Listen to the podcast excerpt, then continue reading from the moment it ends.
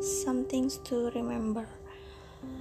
Oke, okay, jadi gue bakal bikin segmen di mana gue bakal ngomongin hal-hal apa aja yang nantinya perlu gue ingat di kemudian hari. Mantap.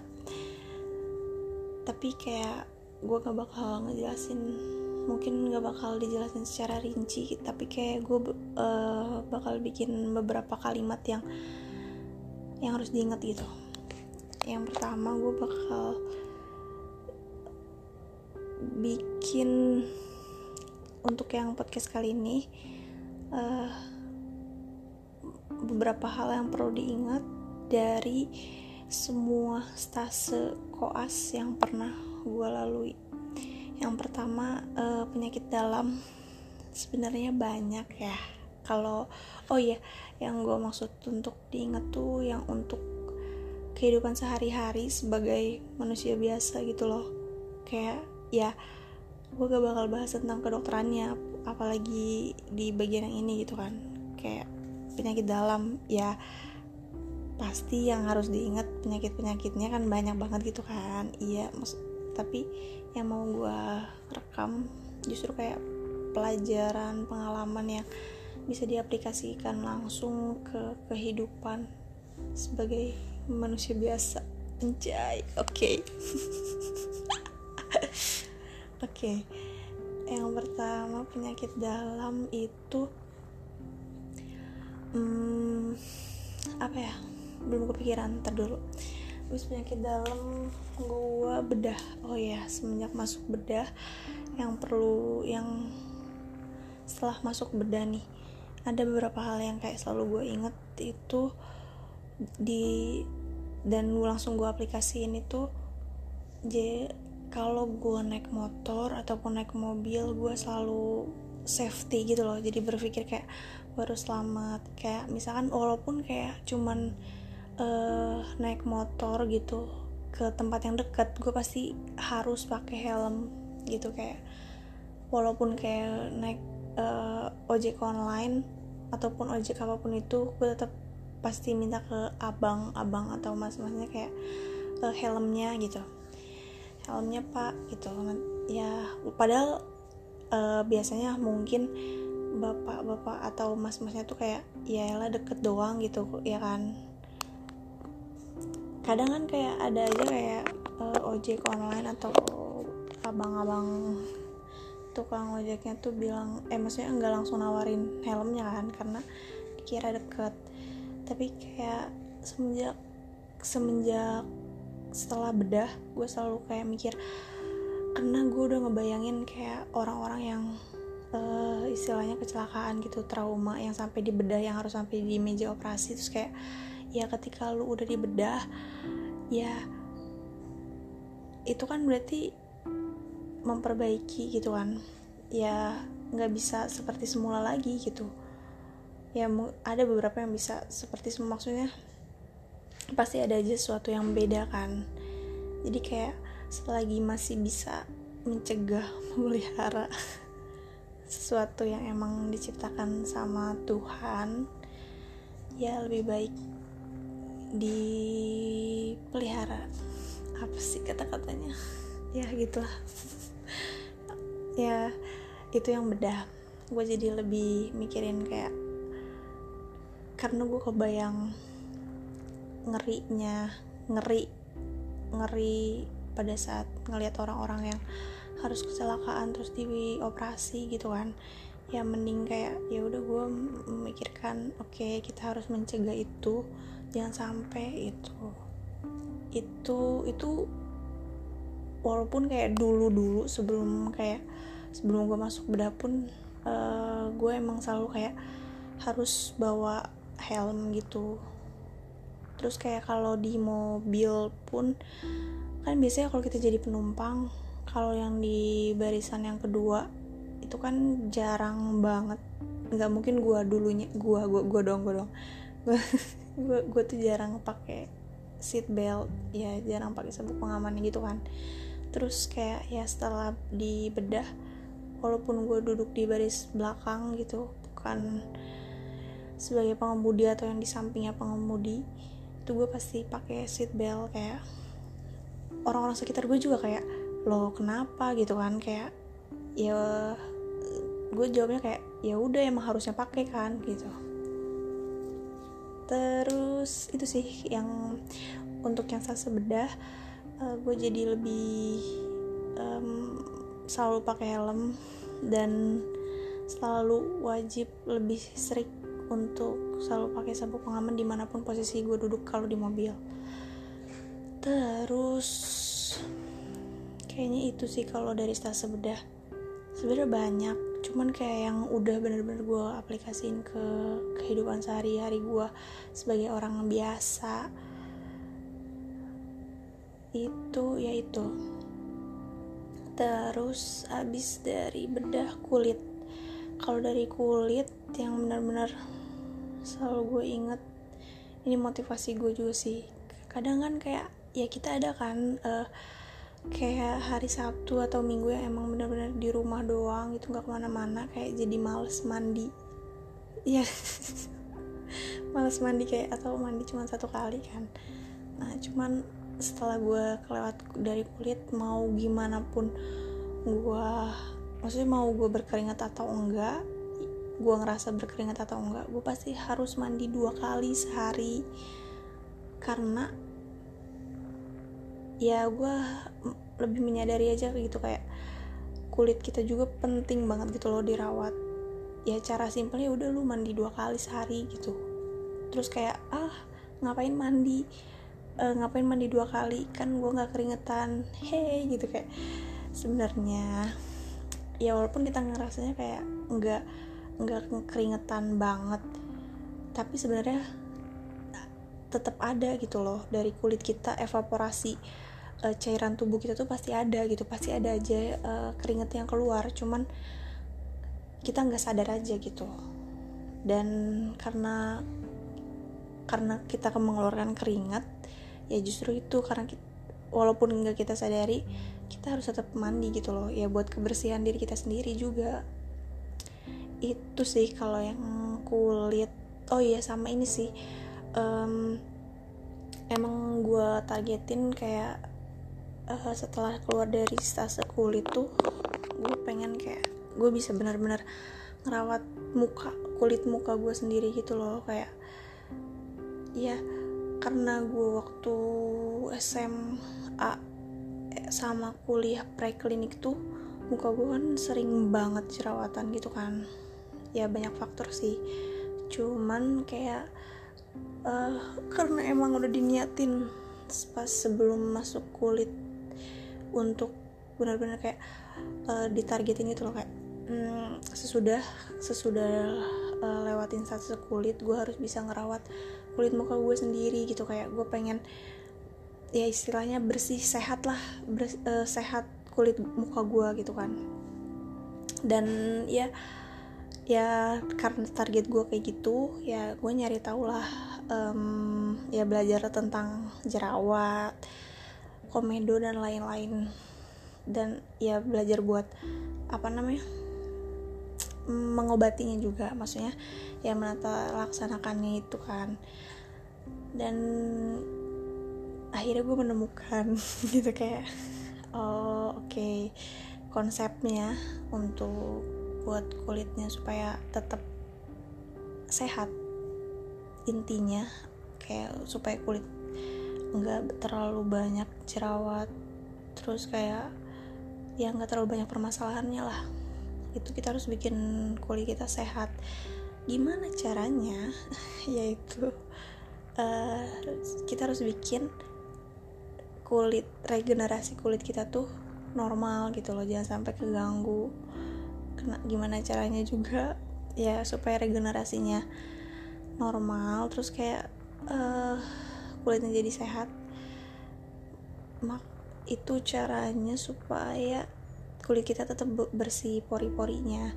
Terus kulit kita tuh harus tetap lembab sama terhidrasi kan kalau terhidrasi gue emang dari SMP udah punya kebiasaan sering banget minum air putih kan.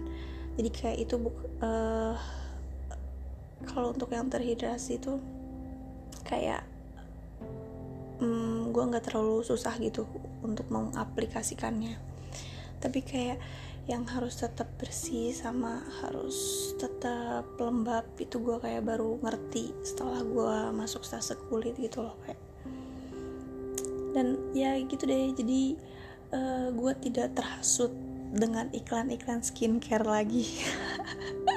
Kayak mencerahkan lah bla bla bla bla bla bla. Kayak ya sebenarnya kalau lo mau cerah kulitnya ya lu bikin lu harus bikin kulit lu sehat. Gimana caranya? Ya lu harus bantu regenerasi sel-sel kulit lu tuh normal gitu. Dan kalau regenerasi sel-sel normal pasti kulitnya sehat. Kulit yang sehat uh, oh ya yes, jangan lupa sama dikasih selain bikin lembab kalau kulitnya udah sehat nih supaya lebih kelihatan cerah itu juga harus pakai sunscreen. Kayak ya agak panjang ya kalau diceritain. Ya udah intinya intinya gue setelah saya kulit um, jadi ngerti kayak permasalahan kulit gue sendiri gitu loh. Terus kayak gimana cara gue harus menghadapinya merawatnya. Yang paling penting sih itu tadi yang kulit harus bersih tapi jangan berlebihan ngebersihinnya.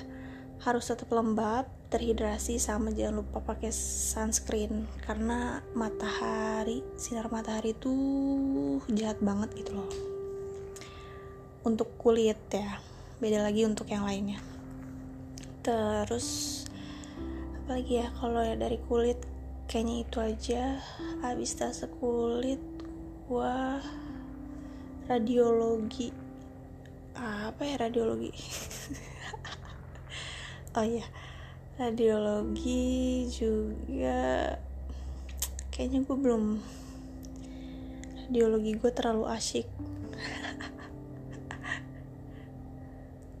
Lebih ke jadi kayak waktu pas gue radiologi gue mau jadi lebih kepengen nyantai gitu. Gue bikin target gak ya waktu hasil radiologi? Lupa. Skip dulu. Abis itu saraf ah saraf itu yang bikin gue jadi aware banget tuh kayak ini sih yang penyakit stroke kayak ya kita taunya kalau udah stroke gitu kan. Ya kita taunya kayak udah kalau orang udah stroke gitu. Padahal kayak yang paling pentingnya gimana caranya untuk mencegah agar orang tua kita nantinya tidak stroke ya itu itu masih belum sepenuhnya gue implementasikan di keluarga gue gitu sih. Karena ada banyak banyak ada banyak aspek yang harus dilakuin gitu kan. Cuman kayak ya faktor-faktor risiko yang buat stroke. Oh ya kenapa gue berpikir kalau saraf itu jangan sampai stroke gitu kan ya kan? Ya yang gue ingat dari dasar saraf tuh intinya kayak tuh jangan sampai stroke gitu. Karena gue lihat kayak orang-orang yang stroke itu tuh kan ada gangguan ya nantinya di sarafnya. Entah apa pun itu sebenarnya ya sebenarnya saraf banyak kan. Tapi yang paling nangkep di otak gue tuh tentang yang stroke itu karena nantinya um, ketika orang itu udah kena stroke dia akan bergantung ke orang lain untuk menjalani kehidupannya gitu. Ya walaupun nggak semua gitu kan tapi dia akan progresif sampai ke titik itu gitu. Dan menurut gue itu hal yang gak enak banget dan gak enak buat yang nantinya harus ngerawat dan gak enak buat si yang menderita stroke-nya juga karena stres dong kepikiran gitu. Nanti kepikiran macem-macem lah gitu lah. Jadi kayak oke okay, uh, eh, quality of life orang yang stroke tuh itu bakal turun banget gitu loh. Jadi kayak oke okay, gue gak mau kayak orang-orang sekitar gue kena gitu. Ya itu masih gue berusahain sih kayak masih belum bisa im gue implementasikan se sepenuhnya. Atau ya harusnya gue mengimplementasikan buat diri gue juga sih tapi kayak hmm, sepertinya faktor-faktor resikonya nggak ada ya. Eh ya Allah sombong banget.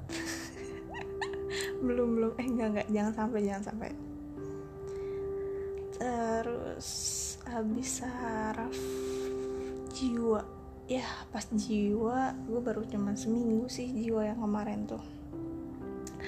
Karena seminggu di jiwa gue malah positif covid jadi libur dulu koasnya pas di jiwa walaupun cuma seminggu ya yang kemarin itu gue ngerasa kayak ini sih uh, first impressionnya dulu kali ya karena gue belum melewati sepenuhnya dari stase jiwa.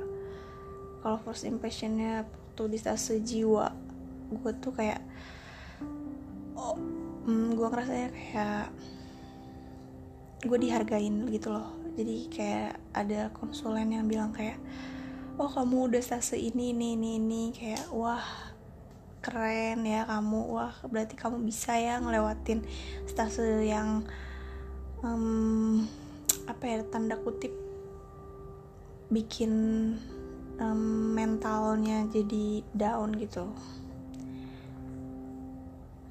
Nah karena itu tuh kayak baru beberapa hari atau hari pertama gue masuk stase jiwa gitu loh kayak udah dibilang kayak gitu kayak dia nggak bilang gue keren sih tapi kata-katanya tuh lebih ke kayak wah kamu udah ngelewatin itu semua bisa ya gitu kayak dengan kata yang kata-kata yang kayak gitu aja kayak gue ngerasa kayak wah dihargai banget gitu loh kayak oh iya berarti gue udah ngelakuin yang terbaik gitu loh. Ya walaupun gak yang terbaik ya gue udah ngelakuin suatu hal yang baik itu bisa ngelewatin itu.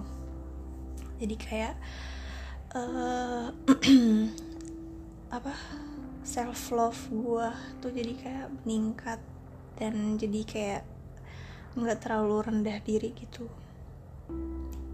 Jadi lebih ada motivasi sih. Kayak ya pasti kita juga sering kan lah ya ada fase-fase kayak nggak termotivasi dan lain-lain lah. Tapi pas di jiwa tuh kayak dari yang satu minggu doang itu pun kayak motivasi gue udah membaik gitu. Udah sih abis itu udah. Gue baru ngelewatin stase itu. Terus tadi yang gue skip tuh apa ya? Oh IPD sama radiologi. IPD tuh banyak sih yang ha karena penyakit dalam tuh banyak ya penyakitnya. Paling ini sih yang lagi kepikiran tuh waktu di PD waktu di penyakit dalam tuh hmm, harus tetap olahraga tiga kali seminggu. Minimal 30 menit. Tapi kayak kenyataannya gue masih berusaha itu loh. Terus kalau untuk radiologi radiologi sebenarnya tadi sih kayak radiologi gue menjalani sasa radiologi gue terlalu mengasyikkan. Oh gue tahu. Uh, radiologi gue tapi nggak nyambung deng. Radiologi yang harus gue inget jangan lupa bahagia. Ya. Karena apa ya nggak tahu gue radiologi santai tapi kayak dapet gitu ilmunya. Ya udah jadi kayak ya bisa bahagia tetap bisa bahagia gitu loh. Tuh eh bisa dapet ilmunya apa sih gue mau apa sih ya intinya gitu lah pokoknya yang IPD sama radiologi nanti kalau gue kepikiran lagi apa yang uh, something to remember nanti gue tambahin di episode selanjutnya aja ya episode oke okay. itu dulu untuk yang sekarang. Something to remembernya. Bye.